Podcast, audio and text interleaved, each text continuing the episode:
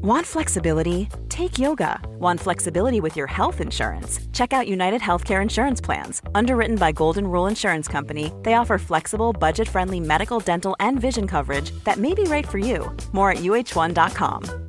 Hey, I'm Ryan Reynolds. Recently, I asked Mint Mobile's legal team if big wireless companies are allowed to raise prices due to inflation. They said yes. And then when I asked if raising prices technically violates those onerous two year contracts, they said, What the f are you talking about, you insane Hollywood ass? So to recap, we're cutting the price of Mint Unlimited from $30 a month to just $15 a month. Give it a try at mintmobile.com slash switch. $45 upfront for three months plus taxes and fees. Promo rate for new customers for limited time. Unlimited more than 40 gigabytes per month. Slows. Full terms at mintmobile.com.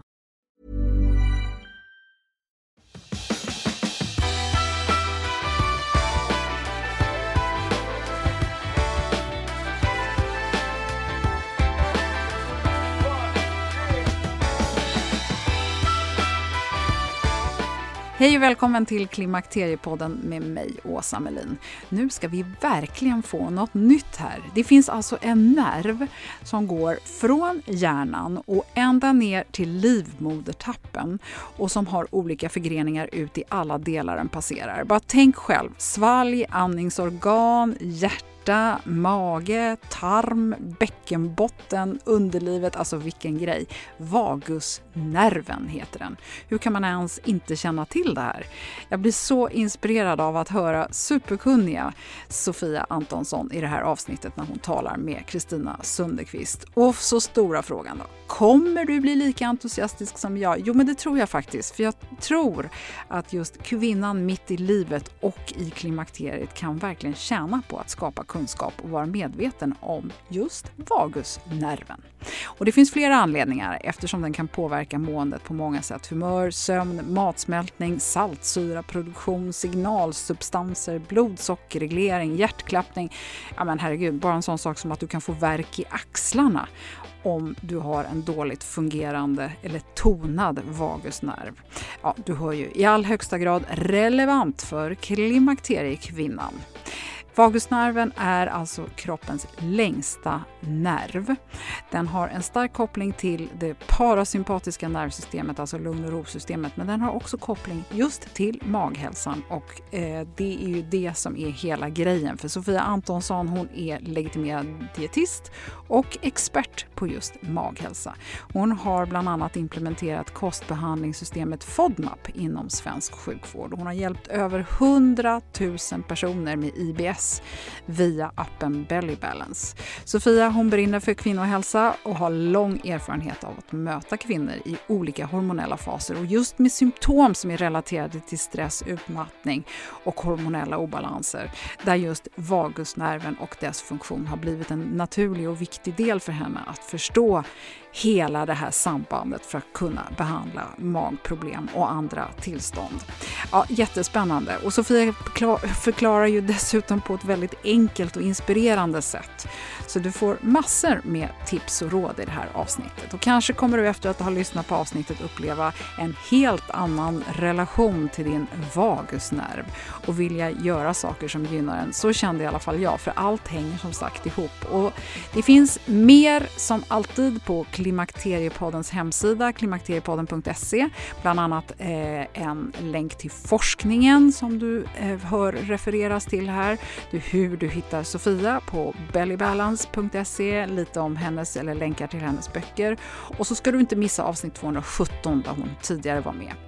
Dessutom har Kristina Sundqvist gjort ett inlägg på sin Facebook och Instagram som jag delar i Klimakteriepoddens kanaler om tryptofan som nämns här i början med anledning av att höja serotonin på naturlig väg.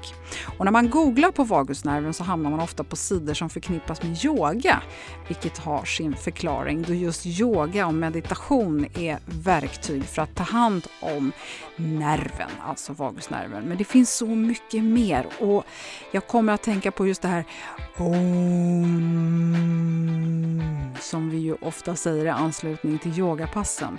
Jag blir också så glad att höra flera andra saker som jag gör och tycker om att de är stimulerande för vagusnerven, som att vara i skogen och kallbada till exempel. Däremot så kände jag inte till tapping. Ja men alltså, du hör ju själv, det finns hur mycket som helst här, så välkommen att lyssna.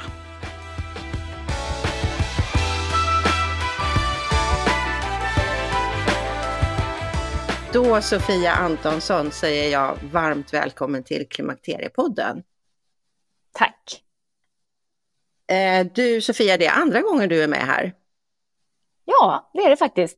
Och förra gången så pratade vi om eh, maghälsa, vi pratade om känslig mage, vi pratade framförallt om IBS, eller mm. Irritable Bowel Syndrome som det heter. Eh, men idag så ska vi prata om någonting helt annat är det ju egentligen inte, för att vi ska prata om den här spännande nerven, vagusnerven. Och den har ju vissa kopplingar till magen i allra högsta grad. Mm. Men eh, först ska vi presentera dig lite närmare. Och eh, du är ju i grunden dietist och sen är du också maghälsaexpert kan man väl säga. Man ser dig ofta i eh, media, på tv, i olika sådana här expertpaneler och du brukar uttala dig i tidningar titt som tätt och i poddar och så. Sen har du skrivit några böcker om magen och eh, du har väl också en egen podd? Stämmer, Älskar din mage heter den. Men du ska få berätta med egna ord lite mer om din bakgrund och sen får du gärna också berätta hur du har kommit in på det här eh, att du faktiskt har börjat fördjupa dig mer och mer i vagusnerven. Så varsågod.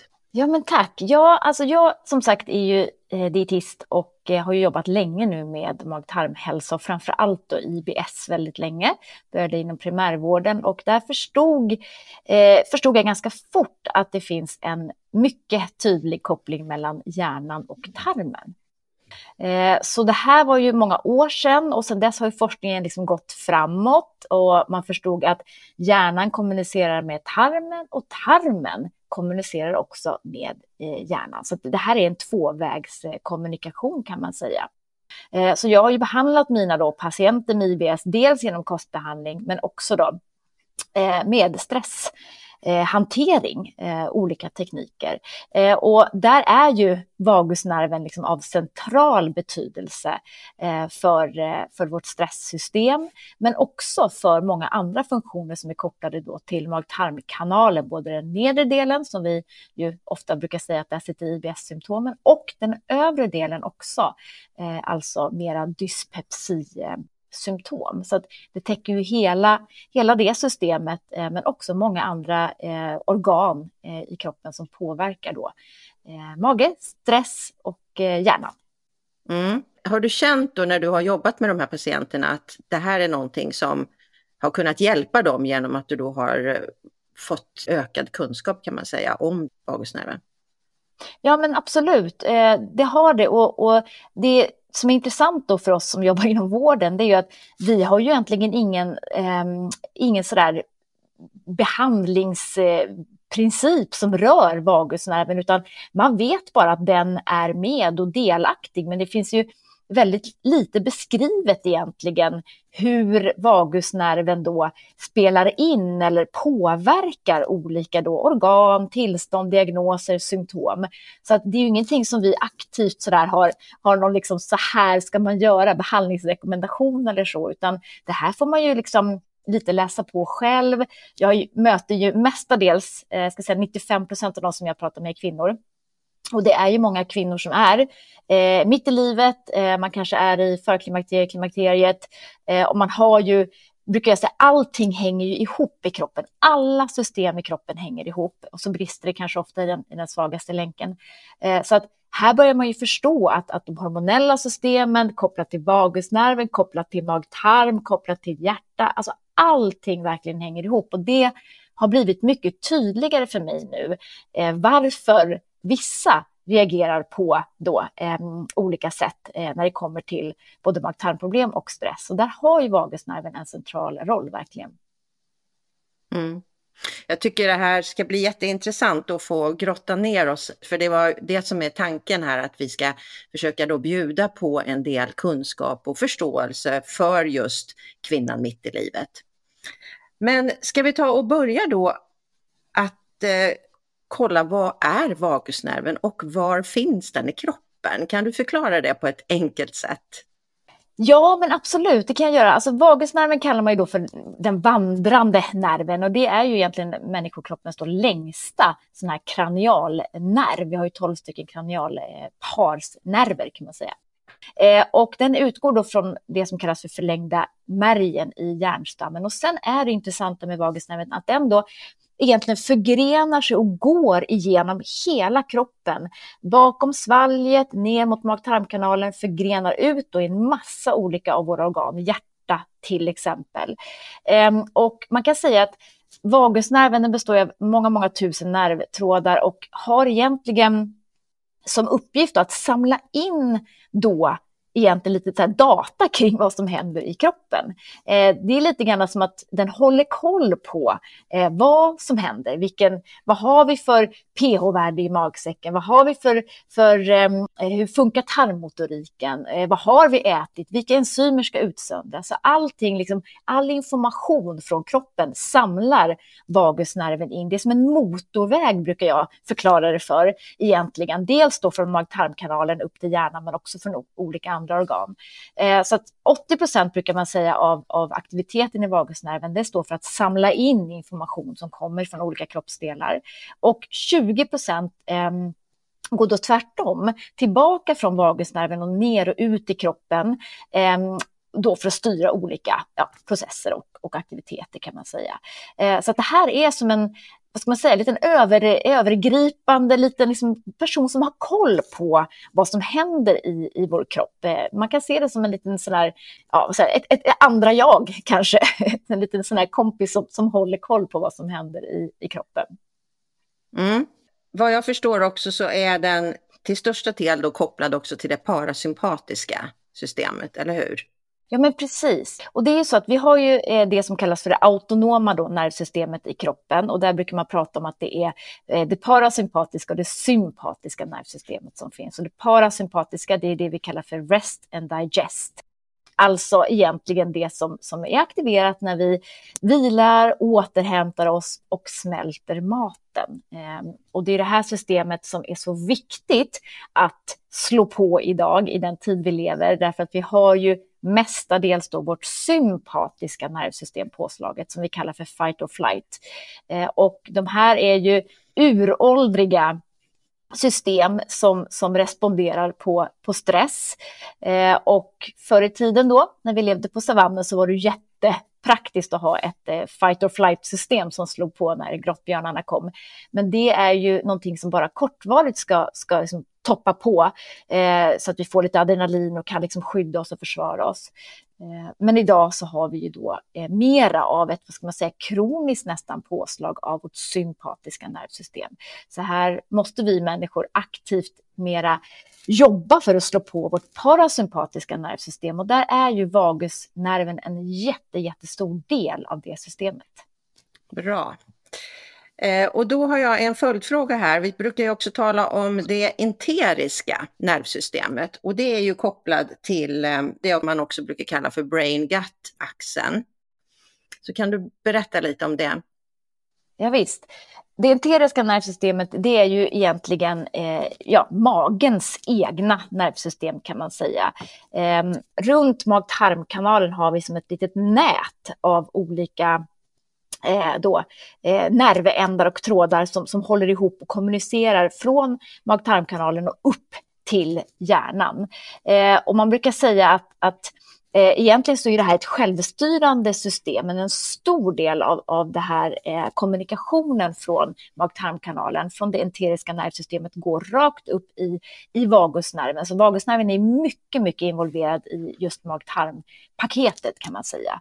Ehm, så att jag skulle säga att att hormoner och mättnadssignaler, enzymer, ehm, allt sånt styrs egentligen eh, via eh, vagusnerven. Magen rapporterar upp till vagusnerven kan man säga eh, och sen skickar den tillbaka då om man behöver utsända utsöndra extra saltsyra eller extra hormoner och enzymer. Så att de här två jobbar väldigt tätt ihop kan man säga och det är väl det man brukar säga, man pratar om magkänsla och, eh, och sådär. Det är ju typiskt då kommunikationen mellan, mellan mage och, eh, och hjärna.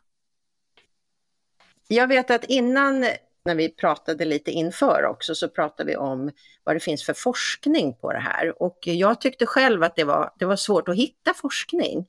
Men det finns några forskningar som, som eh, ja, sedan tidigare och som pågår så jag tänkte att du skulle få berätta om vad du har för eh, insikter i vad som finns när det gäller forskningen på vagusnerven. Ja, alltså det är, ju, det är ju lite intressant för att det är ju en, en, det här är ju inget nytt. Det man pratar om när man forskar på vagusnerven det är ju alltså egentligen en, en, en elektrisk stimulering, alltså att man, att man sätter in ett implantat, eh, vanligtvis uppe kring i nacke eller, eller hals, som då stimulerar via elektriska impulser vagusnerven. Och så får man olika effekter då på, på olika tillstånd i, i kroppen. Och det här är inget nytt, men det är jag, jag skulle säga att det inte är forskning som direkt har kommit ut och lett till att vi har liksom, eh, kunnat utnyttja det här på bredare front eh, i varken världen eller Sverige. Men det finns ju forskning och framför allt och det som jag tycker är, är, är intressant, det är det som, som man har börjat titta på på Karolinska institutet där det finns en del forskning. Eh, och då pratar man ju ofta om den inflammatoriska reflexen. Och det här är intressant, då, för när man stimulerar vagusnerven så ger det ofta ett kraftigt antiinflammatoriskt svar i kroppen. Eh, vagusnerven kommunicerar ju med immunförsvaret och reglerar, för immunförsvaret ska inte vara för högt och det ska inte vara för lågt heller, utan det ska, det ska hållas på en, en rimlig nivå. Eh, och när man då såg att man stimulerade vagusnerven så fick man då en kraftig antiinflammatorisk effekt ute i kroppen. Eh, och det är det man forskar vidare på nu ja, egentligen på, på alla tillstånd där, där vagusnerven då kan vara inblandad, men framför allt då eh, när det gäller de inflammatoriska sjukdomarna som IBD, alltså Crohns ulcerös kolit, där man har en inflammatorisk process som pågår i kroppen. Eh, där tittar man i studier på hur man kan hjälpa patienter via då stimulering av, av vagusnerven. Så den är ju intressant med tanke på vad vi pratar om idag. Eh, vi pratar då kronisk låggradig inflammation och så vidare. Eh, så den är intressant. Eh, Ehm, sen har vi också en del eh, som har kommit nu, eh, en studie framförallt då Salgrenska universitetet i Göteborg har gjort eh, studier på råttor när det gäller vikt och stimulering av eh, vagusnerven. Eh, och det här är också intressant med tanke på vad jag sa tidigare att vagusnerven är, är involverad i att styra hunger och mättnadssignaler och, och hela den, den biten. Eh, och där har man då dock tittat på råttor än, ska vi vara tydliga med att säga. Men eh, där såg man att, att stimulering av, av vagusnerven gav en snabbare mättnadskänsla hos de här råttorna. Så man åt lika många måltider, men man åt då inte lika mycket mat och fick ju således inte i sig lika många eh, kalorier. Så att eh, det man såg då, det var att eh, de här råttorna minskade med 10 procent i vikt efter bara några veckor, 6-8 veckor och att de åt då 30 procent mindre än vid starten. Och det här är ju också då eh, intressant utifrån att man tänker att vad, vad, är det egentligen som är det viktiga? Är det mängden mat vi äter eller vad vi äter eller hur vi äter? Hur kan vi påverka det med, med vagusnerven? Eh, så den är intressant också. Eh, och sen är det ju väldigt eh, många studier som har tittat på och som tittar på behandling av dem med eh, stimulering av vagusnerv vid depression. Eh, och det här är ju känt sedan början av 2000-talet eh, när den här behandlingen eh, godkändes eh, inom EU. Eh, och det man ser då, det är ju att ehm, det här är då kroniskt deprimerade personer som inte svarar riktigt på annan ehm, antidepressiv behandling de får då eh, en ökad mängd serotonin i blodet när man då stimulerar eh, vagusnerven elektriskt. Eh, och det är ju det som då eh, verkar vara eh, ja, den, den liksom komponenten som, som behövs då hos de här patienterna just. Och sen har vi också eh, reumatism, fibromyalgi börjar man titta på nu också. Det är samma sak där, eh, inflammatoriska tillstånd. Eh, och man tittar också en del på kroniskt trötthetssyndrom och ME och eh, relaterat relaterat till inflammationer i vagusnerven eh, och infektioner. Det här verkar vara lite också sådär ny forskning där man tittar på om en kvarvarande infektion i kroppen kan påverka vagusnerven på så sätt att man utvecklar eh, eller att man lättare utvecklar kroniskt trötthetssyndrom. Även då posttraumatisk stress har man börjat titta på om man kan påverka vagusnerven och eh, förbättra det tillståndet. Så det händer grejer. Ja, men jättespännande. om vi tittar då, nu har vi ju redan varit inne på några områden här som jag tänker är intressanta just för kvinnan mitt i livet och det är ju dels det här med depression och stress kanske och även det som är kopplat till det inflammatoriska. Och även vikten som många också brottas med i den här åldern. Men om vi då går in lite mer specifikt på kvinnan i klimakteriet. Eh, vad finns det mer för intressanta kopplingar där tycker du som man kan vara, om vi säger så här, som man kan vara medveten om som kvinna, både när det gäller vad kan man göra själv och vad kan en dålig fungerande vagusnerv göra för kvinnan så att hon mår sämre?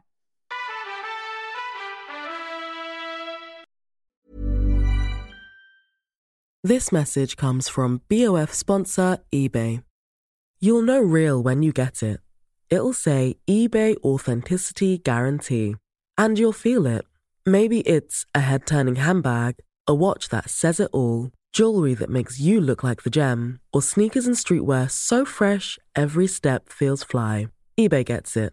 So look for the blue check mark next to that thing you love and be confident that every inch, stitch, sole, and logo is checked by experts. With eBay Authenticity Guarantee, you can trust that feeling of real is always in reach. Ensure your next purchase is the real deal. Visit eBay.com for terms. Want flexibility? Take yoga. Want flexibility with your health insurance? Check out United Healthcare Insurance Plans. Underwritten by Golden Rule Insurance Company, they offer flexible, budget friendly medical, dental, and vision coverage that may be right for you. More at uh1.com. Det är härligt att klimakteriets tabu äntligen är på väg bort. Vill man försöka klara sig utan hormonbehandling så finns nu många nya kosttillskott som lovar bland annat hormonell balans och som ska stötta brister. Jag vill lyfta min räddare i nöden, femarell. Det har inte bara varit min utan många andra kvinnors räddning i över 20 år. Och med lång tid på marknaden, med nöjda användare, dessutom med 20 forskningsstudier så vågar jag säga att det kan vara en god idé att prova femarell. Femarel finns på apoteken och i hälsokostbutiker. Tack Femarel som varit min samarbetspartner i många år.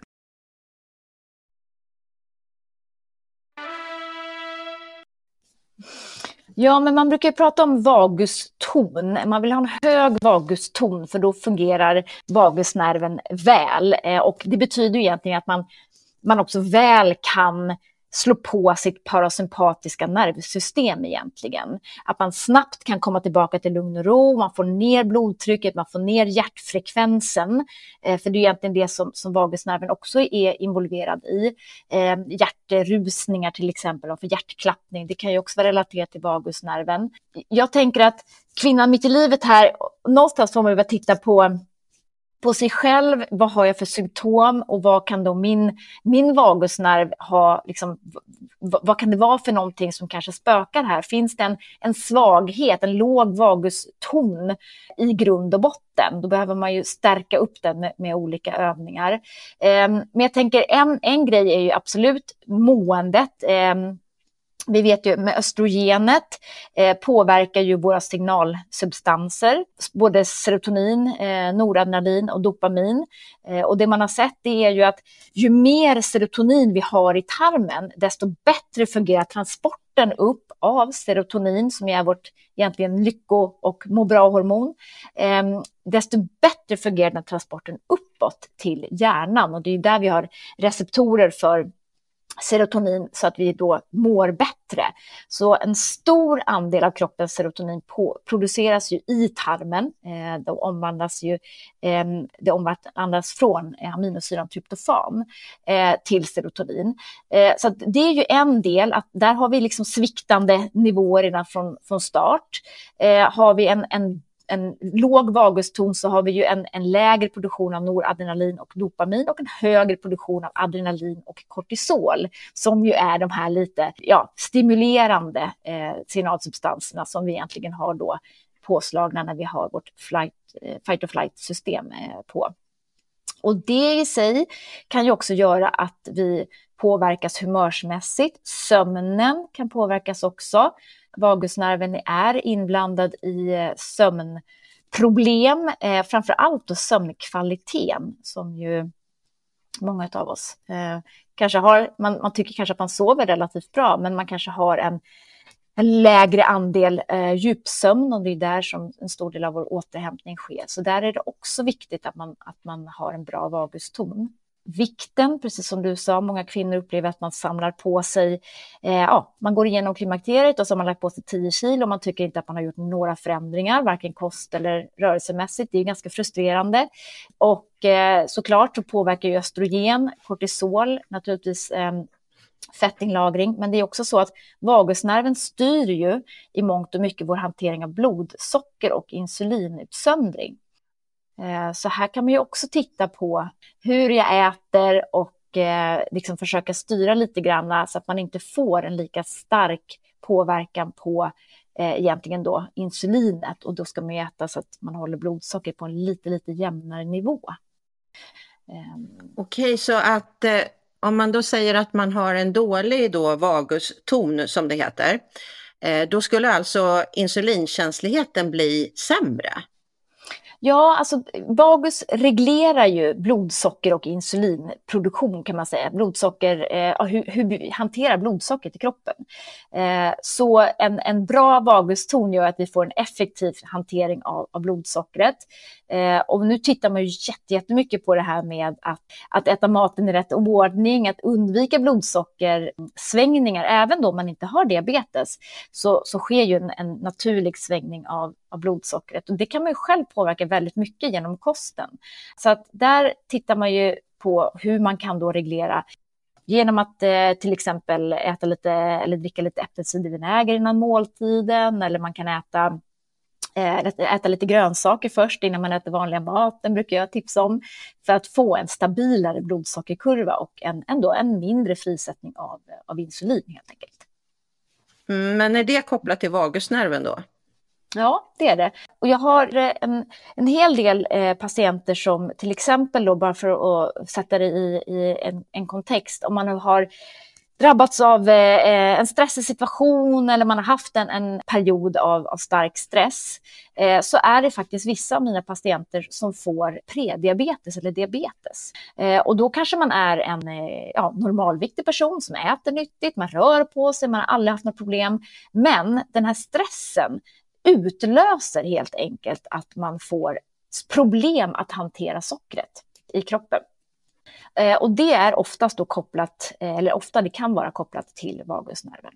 Så bara en sån sak att man tycker att liksom stressen då egentligen kan, kan dra igång en, en eh, nedsatt förmåga att hantera sockret i kroppen. Superbra information. Vi pratar ju mycket om just det här med blodsockret och insulinet så att jag tyckte det var intressant att få den kopplingen där också. Vi har redan varit inne på det här med att även då matsmältningen och tarmfunktionen då har såklart en koppling till vagusnerven. Eh, och det är ju också någonting som många kvinnor upplever, eller när vi blir äldre så får vi ju till exempel en sämre magsyraproduktion. Mm. Hur kan man koppla det till vagusnerven? Och hela matsmältningen och hela den delen liksom. Ja men absolut, det är ju en, återigen en, en, eh, det vi kallar då för dyspepsi, funktionell dyspepsi, överdelsbesvär brukar jag säga, eh, som ju många gånger är stressrelaterade. Och när vi pratar stress så är ju alltid vagusnerven inblandad, för den är ju alltid påverkad när vi, när vi då är stressade. Eh, så att många drabbas ju av den här typen av besvär eh, efter en, en stressig period. Och då kan ju det till exempel då vara att man har en ehm, Eh, en lätt inflammation i magsäcken. Man kanske har en eh, fördröjd magsäckstömning, det vill säga maten ligger längre tid i, eh, i magsäcken. Man brukar också prata om något som heter nedsatt ackommodationsförmåga, det vill säga att, att magsäcken inte riktigt vidgar sig när maten kommer ner. Då upplever man tidig mättnad eller uppkördhet eller kanske lite illamående. Alla de här är ju tecken då på det vi kallar för dyspepsi. Vagusnerven styr ju många av de här funktionerna och framför allt då frisättningen av saltsyra och eh, matsmältningsenzymer. där är den inblandad. Så att eh, det är klart, är man väldigt stressad, har en låg vaguston, så blir inte frisättningen av, av de här egentligen matsmältningsstödet, som jag brukar kalla det, eh, tillräcklig. Och då drabbas vi av olika sorter då av eh, överdelsbesvär. Eh, inom vården så behandlar ju vi Eh, dyspepsi eh, nästan alltid med syradämpande preparat. Eh, och det hjälper absolut vissa, men det sker också en kraftig överförskrivning av de här preparaten. Många använder de här år efter år efter år och man kanske inte ens har effekt av dem. Och i min värld så, så är det så att saltsyran behövs ju, den är superviktig för matsmältningen. Och då kan det faktiskt till och med vara så att man har en för låg produktion av saltsyra kopplat då till vagusnerven. Och då behöver man ju istället eh, ja, stimulera vagusnerven så att man får tillbaka den här produktionen. Men under en period kanske man faktiskt också måste ta tillskott på saltsyra och matsmältningsenzymer för att stötta upp systemet. Jag har många patienter som blir eh, bättre och hjälpta av, av att egentligen då vända på steken och eh, tillsätta saltsyra istället. Mm. Om vi tittar då på um, det här med åldern och livsstil. Är det någonting då som kan påverka den här tonusen på nerven? Ja, precis. Alltså för, förr trodde man ju att man hade en vaguston och den hade man liksom hela, hela livet. Man har till och med tittat på att mödrar med en låg vaguston föder barn med en låg vaguston. Men det går ju, vet man nu, att eh, den är plastisk. Eh, den går ju förändra under livet. Så absolut, eh, vagustonen påverkas ju av vår livsstil och framför allt då skulle jag säga stress. Det är väl den, mm. den största faktorn helt enkelt onyttig mat eh, och då pratar vi kanske processad mat främst med, med eh, för lite näring, för lite fibrer och det är egentligen också då kopplat till tarmfloran där mycket eh, och tarmen där, mycket av produktionen av våra signalsubstanser sker som ju också då interagerar med, med vagusnerven. Ehm, alkohol, eh, rökning, så att allting sånt här påverkar ju eh, vagusnerven. Eh, och det är också, tycker jag, då positivt, för man kan ju göra väldigt mycket med sin livsstil och sin kost för att faktiskt få upp tonusen igen i, eh, i den här nerven.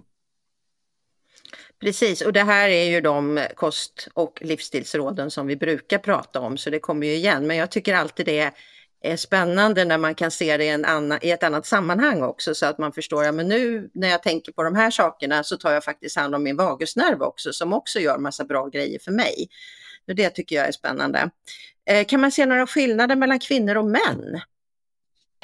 Alltså, det här är, finns inte värst vidare mycket forskning på, ska jag säga. Vi vet att, att vagusnerven går längre ner i kroppen eh, hos oss kvinnor, eh, hela vägen ner till egentligen livmodertappen. Eh, så att det är högst troligt att den, den då i större utsträckning påverkar våra, våra nedre delar och våra könsorgan i större utsträckning. Eh, männen, där stannar den lite längre upp. så att det, det, finns egentligen inget så här, eh, så här funkar det, utan eh, det är troligt att vi kvinnor är mera påverkade då till exempel sexlusten, eh, eh, då relaterat till, till vagusnerven.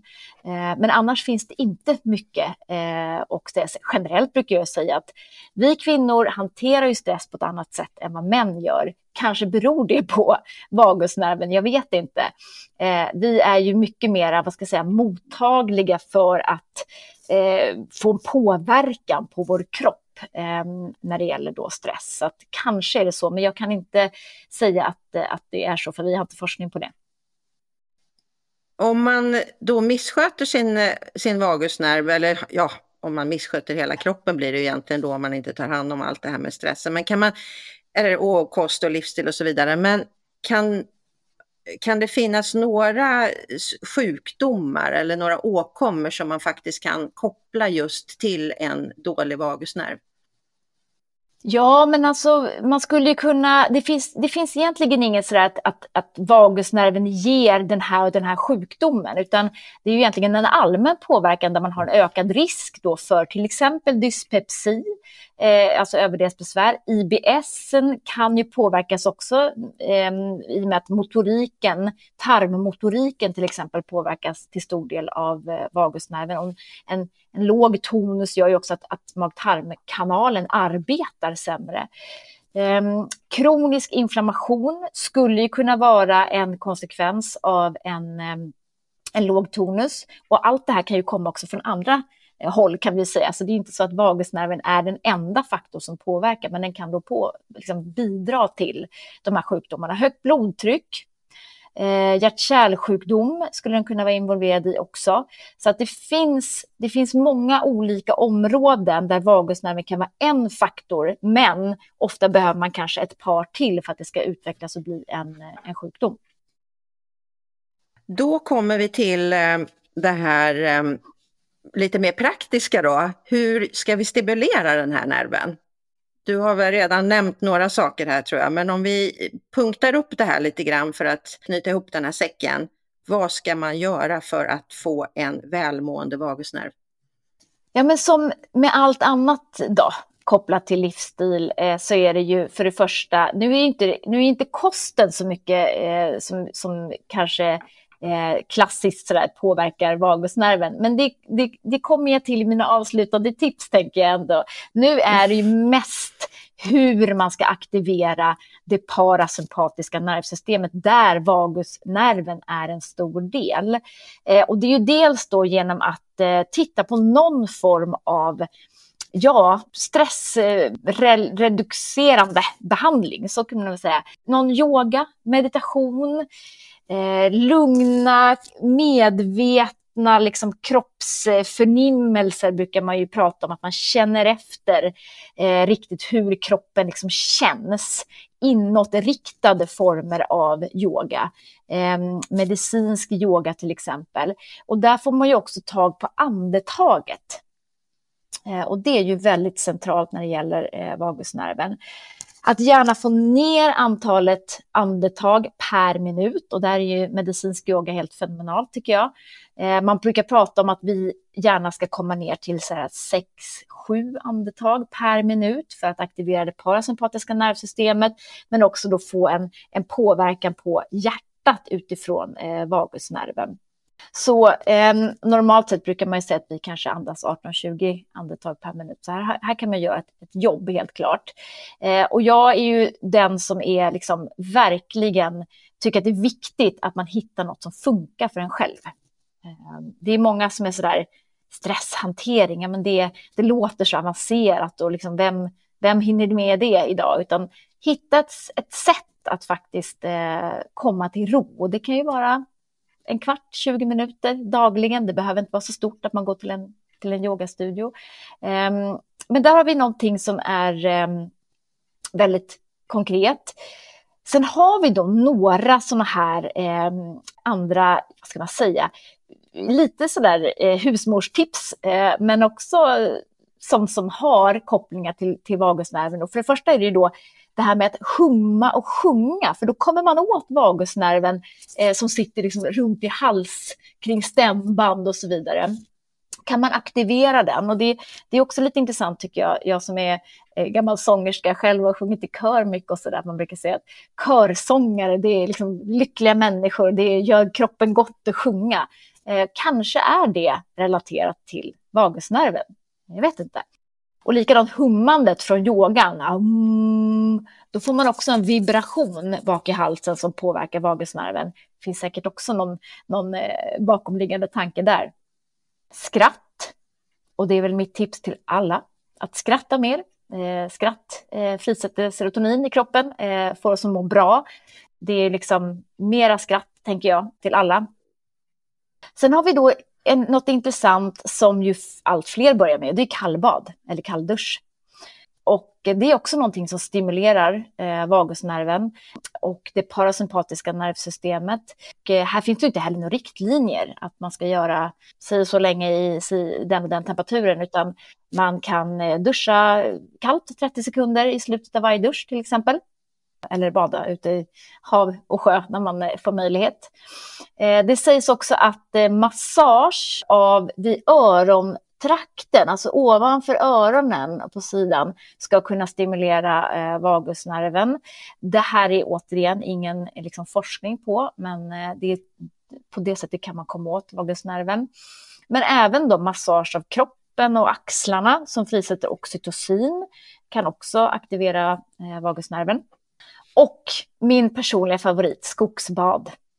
Det är ju, den, är ju, den är alltid bra kan man säga. Att vara i naturen, att vara nära träd, gärna ta på träden så att de frisätter sina aromatiska ämnen som aktiverar kroppens immunförsvar och kanske går det också via vagusnerven där. Eh, men det är ju någonting som jag själv tycker är eh, fantastiskt bra för egentligen allting.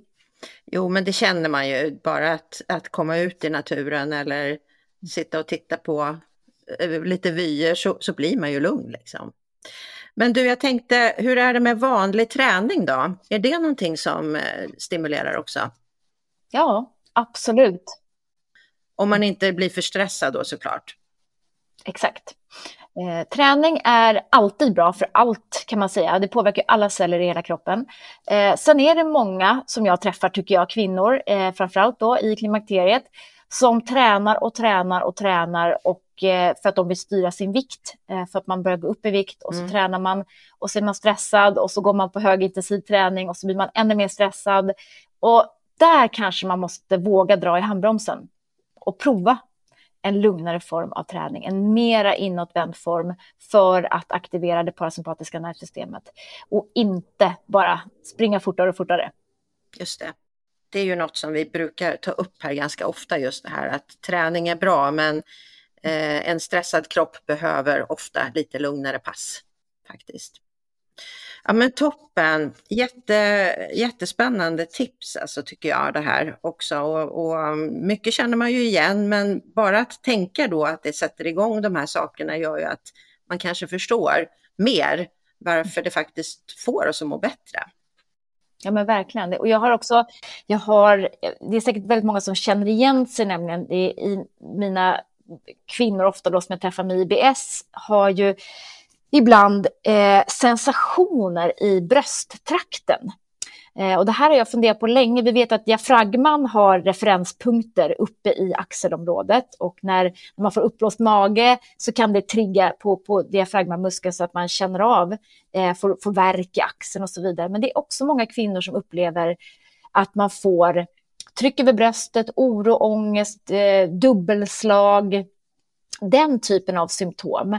Eh, man är orolig, går till hjärtläkaren kanske.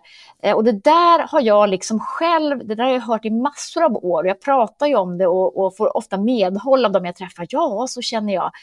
Eh, och jag tittar på mitt hjärta, det är inget fel på det. Och det, min tolkning är ju att signalerna från mag-tarmkanalen upp till hjärnan ibland slinker fel. Och det är ju vagusnerven som då har förgreningar ute i hjärttrakten också. Att man då kan få en påverkan i liksom brösttrakten när tarmen egentligen signalerar upp till hjärnan. Mm. Ja, det låter ju vettigt. Ja, det måste ju vara så. Till kvinnan då, i, mitt i livet i klimakteriet, vad har du för några hacks att dela med dig av? Ja, men jag måste ju ändå börja då med, med det som ligger mig eh, då, varmt om hjärtat här. Och det är ju näring. Eh, ordentligt bra kvalitativa råvaror. Se till att få i vitaminer, mineraler, kostfibrer framför allt också för tarmfloran som är otroligt viktig. Man pratar ju allt mer om det här med att äta sig lycklig. Det har vi studier på i Sverige också. Hur ska man äta för att kroppen ska producera mer serotonin? Eh, och det är i allra högsta grad relevant för vagusnerven också. Så näringen, probiotikan, man kan gärna lägga till goda nyttobakterier om man vill stärka upp tarmfloran. Eh, vi har pratat om äppelcidervinäger, eh, ta det lite grann innan maten om man har besvär med, med, med överdelen eller om man nu bara har, eh, tycker sig ha ett lite svajande blodsocker. Det kan också vara värt att prova och liksom kan ge en bra effekt. Så det är ju viktigt när det gäller kosten. Och sen tänker jag också med ehm, med kvinnan mitt i livet som då ofta ha, lägger på sig lite vikt, att man försöker vara lite snäll mot sig själv och tänka att det är det är kanske inte alltid så att det är rättvist. Man tycker att man kanske inte äter eh, så mycket som man, som man liksom, eh, ja, för att förtjäna sin vikt, utan vikten sticker upp och det blir en stress. Och där kan man tänka att det är också kroppens sätt att eh, liksom ställa om sig till en minskad eh, östrogenproduktion, till stress, hantera den. Så att här finns det mycket att göra, men då är det primärt då stresshantering och att ta hand om sin lilla vagusnerv som kanske är eh, det viktiga i det här. Jag tycker alltid att det är bra att eh, försöka sänka kraven. Eh, många av oss har alldeles för högt ställda krav på oss själva. Vi tackar ja, vi egentligen vill tacka nej till saker. Man ska försöka och tycker jag ta saker och ting lite mindre allvarligt Eh, här i livet eh, så blir det roligare. Jag gillar att omge mig med likasinnade som tillför energi, eh, som får en att skratta. Det är väl fantastiskt. Det är, tycker jag, fint att tänka på meningsfull hobby. Det är väl också bra. Om det så är att sticka eller träna eller vad det kan vara för någonting. Att man verkligen gillar det man gör och ser till att kanske göra det med en vän så blir det Eh, mycket roligare och mycket större sannolikhet att det blir gjort. Eh, tacksamhetsdagbok är det många som eh, skriver idag också.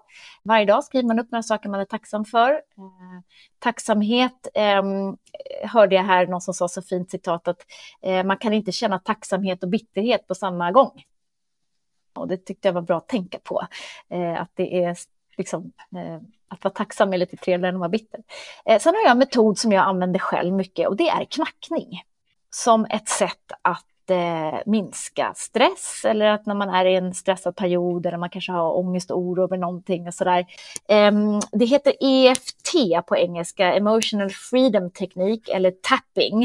Eh, och det är egentligen att man knackar på olika punkter på kroppen och samtidigt som man då upprepar ja, eh, mantra eller man säger saker om sig själv och så vidare. Och det här är ett super supereffektivt system för att reducera stress. Eh, om man gillar att vara lite effektiv, som jag gör, eh, så är det otroligt häftigt att på bara tio minuter så kan man få en, en red, alltså mindre upplevelse av stress kring någonting som man då har stress om. Så man kan använda appar eller så. Men rent praktiskt då, hur, hur gör man? knackar på någon valfri del? Nej, det är ju utsatta punkter på kroppen, så, alltså bestämda punkter ja. som man knackar på. Det är mest i ansiktet och sen är det på, på sidan av handen till exempel. Så det finns ett antal, antal knackningspunkter som man hela tiden går som ett liksom, mönster kring. Eh, och så säger man olika saker, man, man lyfter ett problem man har och sen så släpper man det problemet och så liksom får man hjälp att prata. Det finns appar eh, som man kan få hjälp med mm. eh, att, att eh, köra, testa knackning. Eh, engelska eh, främst är det väl som finns, eller amerikanska. Eh, så att eh, det finns säkerligen en del terapeuter i Sverige som jobbar med knackning också. Men otroligt bra sätt. Jättebra, men kan man, då kan man googla på knackning helt enkelt så får man säkert upp någonting bra. Ja, absolut. Jättespännande. Om man vill få tag i dig, hur hittar man dig då? Ja, antingen så laddar man ner appen som heter Belly Balance om man känner att man har IBS och vill ha en behandling där. Eller så kan man gå in på vår hemsida bellybalance.se. Där kan man ja, komma i kontakt, eh, boka en tid om man vill prata med en dietist eh, eller vad man nu vill göra. Ja, jättebra. Och vi, kommer lägga, vi lägger ju ut de länkarna också. Jag ville bara eh, nämna det. Och sen vill jag också nämna, som jag sa inledningsvis då så gjorde ju jag och Sofia ett avsnitt här och det var avsnitt 217 ifall någon är intresserad och vill lära sig mer om eh, IBS och där pratade vi också om den här kostbehandlingen FODMAP och gick igenom den ganska grundligt. Så avsnitt 217 var det. Men då Sofia, då tackar jag dig för att du ville vara med här i Klimakteriepodden med den här jättevärdefulla informationen om vagusnerven. Ja, men tack själv, det var bara mitt nöje.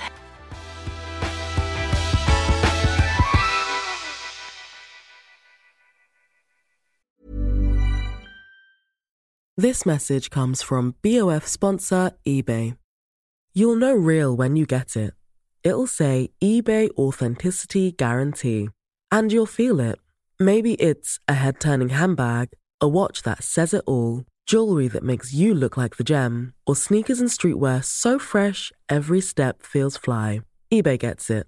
So look for the blue check mark next to that thing you love and be confident that every inch, stitch, sole, and logo is checked by experts. With eBay Authenticity Guarantee, you can trust that feeling of real is always in reach. Ensure your next purchase is the real deal. Visit eBay.com for terms.